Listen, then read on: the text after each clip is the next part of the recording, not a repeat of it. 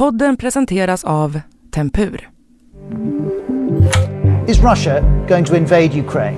Will Russia go to war against Ukraine? Moscow masses its troops along the border. De ryska fartygen i Östersjön vänder hemåt. Men var den svenska oron befogad? Eller var den ryska närvaron bara en bricka i Putins storpolitiska maktspel? After a week of negotiation in three European cities, there are no signs of any diplomatic breakthrough. På en kvart får du Putins plan med den militära upptrappningen och varför krisen i Ukraina påverkar även Sverige. Sent igår kväll kom fler soldater och militärfordon med Gotlandsfärjan till Visby. Läget är allvarligare än det har varit på många, många år. Det är tisdag den 18 januari och jag heter Erika Treis. Här är dagens story från Svenska Dagbladet.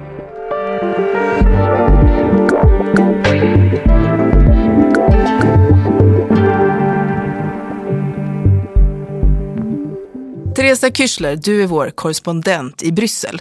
Kan du med tre ord beskriva den senaste tidens säkerhetspolitiska läge? Eh, jag skulle säga krig, kalla kriget och Jalta. Om jag fick välja tre ord som jag kan förklara för er sen hur jag tänker. Spännande, det var mycket krig där. Mm. Men om vi börjar med de svenska nyhetssändningarna så har ju de varit fyllda av mängder av oroliga röster, främst gällande Gotland då. Vad handlar egentligen den här oron om? Det handlar ju om att eh, ryssarna spänner musklerna just nu eh, och eh, liksom ska visa upp sig på strategiska platser såklart. Östersjön är ju naturligtvis en strategiskt jätteviktig plats för både väst och NATO, även om inte Sverige eller Finland är med där. Och för Ryssland. Vi vet ju till exempel att Ryssland har nästan en jättestor arsenal av sina kärnvapen i Kaliningrad på ena sidan av Östersjön. Och så har ju naturligtvis liksom Gotland ett strategiskt läge i mitten och det, vi, ju, vi ser ju att det förs mycket NATO NATO-övningar i Östersjön. Så det är liksom en plats där man kan eh, hota varandra och visa sin närvaro och, och liksom peka ett finger och säga app, app, app, app, app, gå inte in på vårt område. Ja, och, och, Putin han skickade ju också militära fartyg till Östersjön redan förra veckan. Och nu har vi fått uppgift om att de backar hem. Så den här oron som vi var inne på, till och med kriget, är risken över nu? Var alltsammans bara en styrkedemonstration? Det kan man kanske, det kanske man kan dra som slutsats. Då ska man komma ihåg att det var just i förra veckan som det fördes väldigt många samtal mellan både Ryssland och NATO, Ryssland och OSSE. Ryssla, ryska representanter mötte amerikanska representanter. Så att det är klart att det är väldigt väl koreograferat att man då samtidigt som de här samtalen eh, förs och de här samtalen skulle ju vara ett sätt liksom att eh, ja, men lugna ner någon slags puttrande, hotfull stämning. Då är det ju väldigt väl koreograferat att man då samtidigt skickar ut eh, de här fartygen. Och så drar man sig tillbaka när, när stormen har bedarrat en smula. Men det fanns ju också NATO-fartyg i Östersjön om jag är rätt underrättad. Är det vanligt eller? Ja men precis, alltså Östersjön är en sån där plats där de visar upp sig till sånt. För, för några år sedan, vet jag inte om du minns, men eh, det, det kom rapporter om att eh, stridsplan från någon NATO-övning hade råkat komma över i ryskt luftrum. Och då hade ryssarna i sin tur då liksom skjutit upp eh, plan som skulle liksom varna upp i luften. Alltså den, den, där, den där tuppstriden, om, om man får säga det lite raljant sådär, den, den pågår hela tiden. Och det är ett vanligt spel mellan NATO å ena sidan och, och Ryssland å andra sidan. Men, men varför trappas det upp just nu då? Alltså Nato har skjutit fram sina positioner en del på bara de allra senaste åren och liksom vänt sig mot länder som tidigare har varit eh, neutrala, alltså före detta, så att säga, som har ingått i den gamla ryska intressesfären eller sovjetiska intressesfären före det, som till exempel Bosnien eller Nordmakedonien. Men så sent som förra året så sa man också att länder som Georgien och Ukraina var potentiella då kandidatländer. Man liksom formellt skrev på att de här länderna är numera på vår lista över kandidatländer till NATO. Och det är klart att både Georgien och Ukraina är ju två länder som har haft eh, ett par brinnande konflikter och som ligger då i direkt ryskt intresse. Så att det är inte jätte, jättekonstigt att det är när NATO å ena sidan vänder sig till, till fler länder som då Ryssland också liksom eh, vill spänna sina muskler muskler i samma områden. Just och man har ju också sagt att västvärlden och Ryssland befinner sig på helt olika spår. Är det då det här man fäktar efter? Ja, men det är väl så. Jag menar, det finns en uppfattning om att liksom Ryssland har gått, gått tillbaka till någon slags eh, krigsslutsmentalitet. Alltså 1945 när andra världskriget tog slut så satt, så satt liksom å ena sidan då Stalin och, och på, på, sin sida och å andra sidan eh, så var det väl liksom de väst, eh, västländerna och delade upp i Europa mellan sig. Och de här och de här skulle gå in i Warszawapakten som bildades med gamla Sovjet i täten och så på andra sidan så, så blev det NATO med, med USA i täten. Och att, att liksom Putin då, Vladimir Putin, presidenten i Ryssland, att han liksom fortsätter den här, det här spåret med att vi har, ett rätt att stycka, vi har rätt att stycka upp Europa mellan öst och väst. Det är ju liksom någon slags gammal mentalitet som, som eh, länderna i väst tycker inte har en plats idag. Ukrainas utrikespolitik har sedan självständigheten 1991 pendlat mellan att ligga nära Ryssland eller nära västmakterna. Men efter de provästliga demonstrationerna i samband med Rysslands annektering av Krim 2014 har relationerna till Ryssland präglats av fiendeskap. More than 50 people were killed that day. Most of the dead were protesters, gunned down by riot police who were retreating from the square. Samtidigt har Ukrainas förbindelse med väst blivit allt viktigare. Welcome to NATO. Uh, Ukraine is a highly valued uh, partner of our alliance, and I thank you for your personal uh, commitment to our uh, partnership. Efter Krimannekteringen har USA och NATO bidragit med över 25 miljarder kronor för att stärka Ukrainas försvar, både i form av utrustning och utbildning av landets militära styrkor. Jag skulle också vilja att du kryper ännu längre in i huvudet på Vladimir Putin. För, för hur är den här konflikten utifrån hans synvinkel? Ja, men det är lite den här bilden av eh, Jalta-konferenser. Kommer du ihåg? Det finns ett väldigt berömt foto eh, i svartvit från Jalta då, som ligger på Krimhalvön. Också lite pikant då, eftersom Ukraina står i centrum av dagens kris också.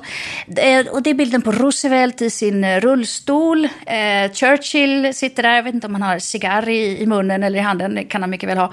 Och, och Josef Stalin som sitter. Och de har då ett möte där de ska dela in Europa i olika säkerhetszoner emellan sig.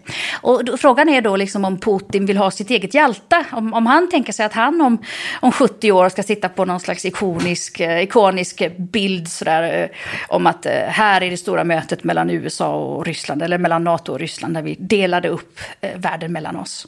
Mm. Det återstår att se helt enkelt. Men, men jag, jag, har också fått klart för mig att Ryssland de har ställt ett antal krav. Säkerhetsförslag kallar Putin det för. Eh, som Ryssland då vill att Nato och USA ska gå med på. Vad, vad är det här för något?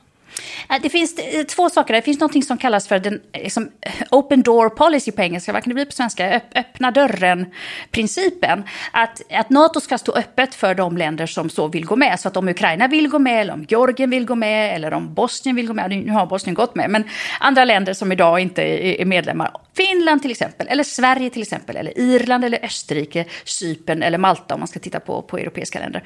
Om de vill gå med så står dörren öppen. Då ska de uppfylla vissa kriterier och rätta sig efter vissa regler, men de är välkomna. Och den där Open Door Policy är den som då Vladimir Putin tror jag ser mest rött över. För han vill på något sätt ha då en försäkran, garantier, formella garantier för att vissa länder ska inte vara på tapeten någonsin för NATO. Eh, så det är en princip. Den andra principen är att han kräver att NATO-länder inte placerar vissa strategiska vapen i närheten av eh, liksom vad han då tycker är hans intressesfär. Så att Ukraina, återigen, som är i mitten av den här konflikten som pågår just nu, där, där påstår ju då Vladimir Putin att det finns ett försök från väst att förse Ukraina med väldigt, väldigt eh, liksom farliga vapen eh, som ska då riktas rakt mot, mot Ryssland. Och han kräver garantier för att det inte ska finnas sådana på sådana ställen.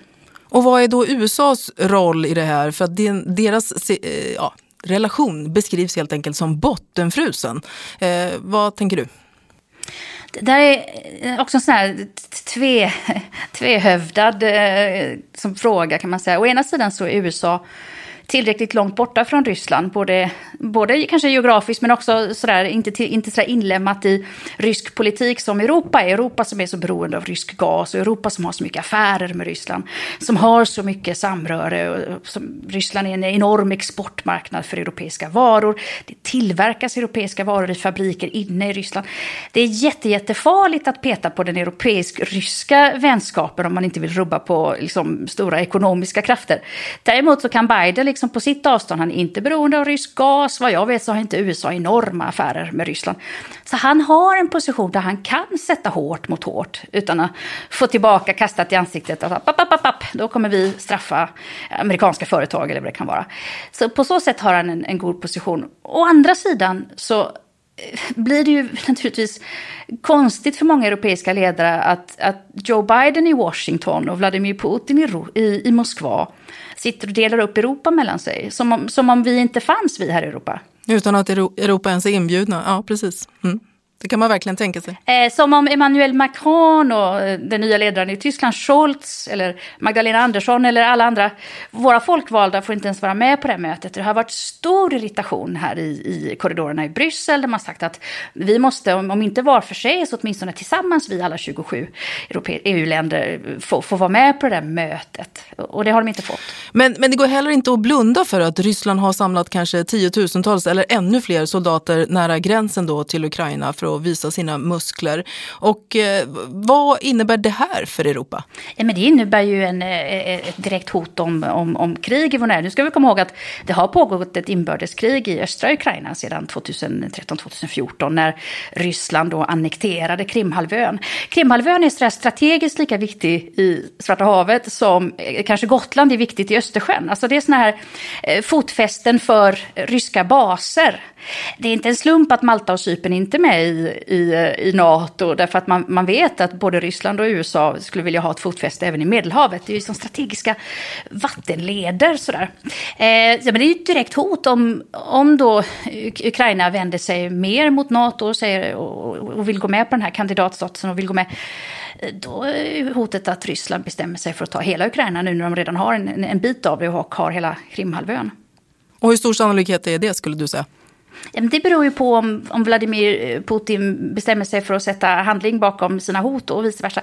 Men det som är intressant är om det blir ett krig, vad gör NATO då? Ukraina är inte ett NATO-land, så den, den där heliga paragrafen, den heliga principen om att när ett land attackeras så ska de andra sluta upp. Det är lite den här, de tre musketörerna, en för alla, alla för en. Det är ju liksom NATOs heliga princip. Men den gäller ju inte för Ukraina som inte är ett EU-land. Så att eh, från Ukrainas håll kan man tänka sig att de föreställer sig att NATO ska hjälpa till vid en militär invasion. Från NATOs håll är det inte lika säkert. Jens Stoltenberg som är alltså, ordförande eller chef för, för, för NATO och talar för NATO har, har sagt rakt ut för några veckor sedan att det inte alls är givet att eh, Ukraina ska få militär hjälp från, från NATO-världen. Så vad som händer om det blir ett krig i Ukraina, vem som hjälper vem, är en väldigt, väldigt intressant fråga. Hur ska då spänningarna i det här området kunna minskas? Alltså blir det en invasion så kommer ju naturligtvis eh, situationen inte att eh, bedarra utan den kommer att trappas upp och då står vi inför ett regelrätt krig på europeisk mark. Eh, och det har vi inte haft sedan Balkankrigen på, på 90-talet. Östra Ukraina visserligen, men det är ett inbördeskrig. Och det är ju fruktansvärda kalla kårar som går nedåt ryggen när man tänker på det. Jag föreställer mig trots allt att från europeiskt håll att man kommer att kliva in lite mer aktivt. Som, som jag sa tidigare, det finns enorma ekonomiska samarbeten med Ryssland. Det finns ett intresse för europeiska länder att faktiskt hålla sig väl med Ryssland. Inte bara liksom på grund av säkerhetspolitik och gamla, vad vet jag, Jalta-mentaliteter eller Putins ambitioner. Utan för att liksom, Frankrike säljer vitvaror och champagne till Ryssland och Tyskland har en, en gasledning tillsammans med Ryssland. Och Sverige vet jag inte, vi kanske säljer lastbilar till Ryssland. Men äh, vi har stora intressen så att min förhoppning är ju såklart att på något sätt att, äh, att, att spärrar. Och om det är så att det är liksom cash is king som till slut vinner så, så får det väl vara bra då. Och finns det några som behöver vara särskilt rädda just nu? Ukrainarna såklart. Det är ju, det är, alltså jag tror inte Vladimir Putin i det här läget i alla fall är särskilt intresserad av att invadera Gotland. Eller andra liksom sådana buffertzoner mellan det gamla öster och väst. De kommer inte invadera Österrike heller som är neutralt land i mitten. De kommer inte invadera Irland för att de vill komma åt eh, någon flygplats som, som både ryssar och amerikaner får flyga igenom. Utan det är Ukraina som är intressant nu. Tack Teresa Kyschle för att du var med i Dagens Story. Tack så mycket. Fler än var tredje svensk lider av sömnproblem. Svårigheter att somna, att vakna flera gånger under natten eller att inte komma ner i djupsömn blir allt vanligare. När du sover startar hjärnan och kroppen om, lite som en dator. Bra sömn hjälper dig att bearbeta intryck och kunskap som du fått under dagen och minska risk för sjukdomar som Alzheimer och utmattningssyndrom. Rätt säng från Tempur kan hjälpa dig till bättre sömn och ett hälsosammare liv. Investera i din sömn idag. Dagens program producerades av Elin Romiliotto, redaktör var Maria Sundén Jelmini och jag heter Erika Treijs. Vill du kontakta oss så mejla till dagensstory.svd.se. Klippen i inslaget kom från BBC, Al Jazeera, Sveriges Radio, Sveriges Television och Natos hemsida.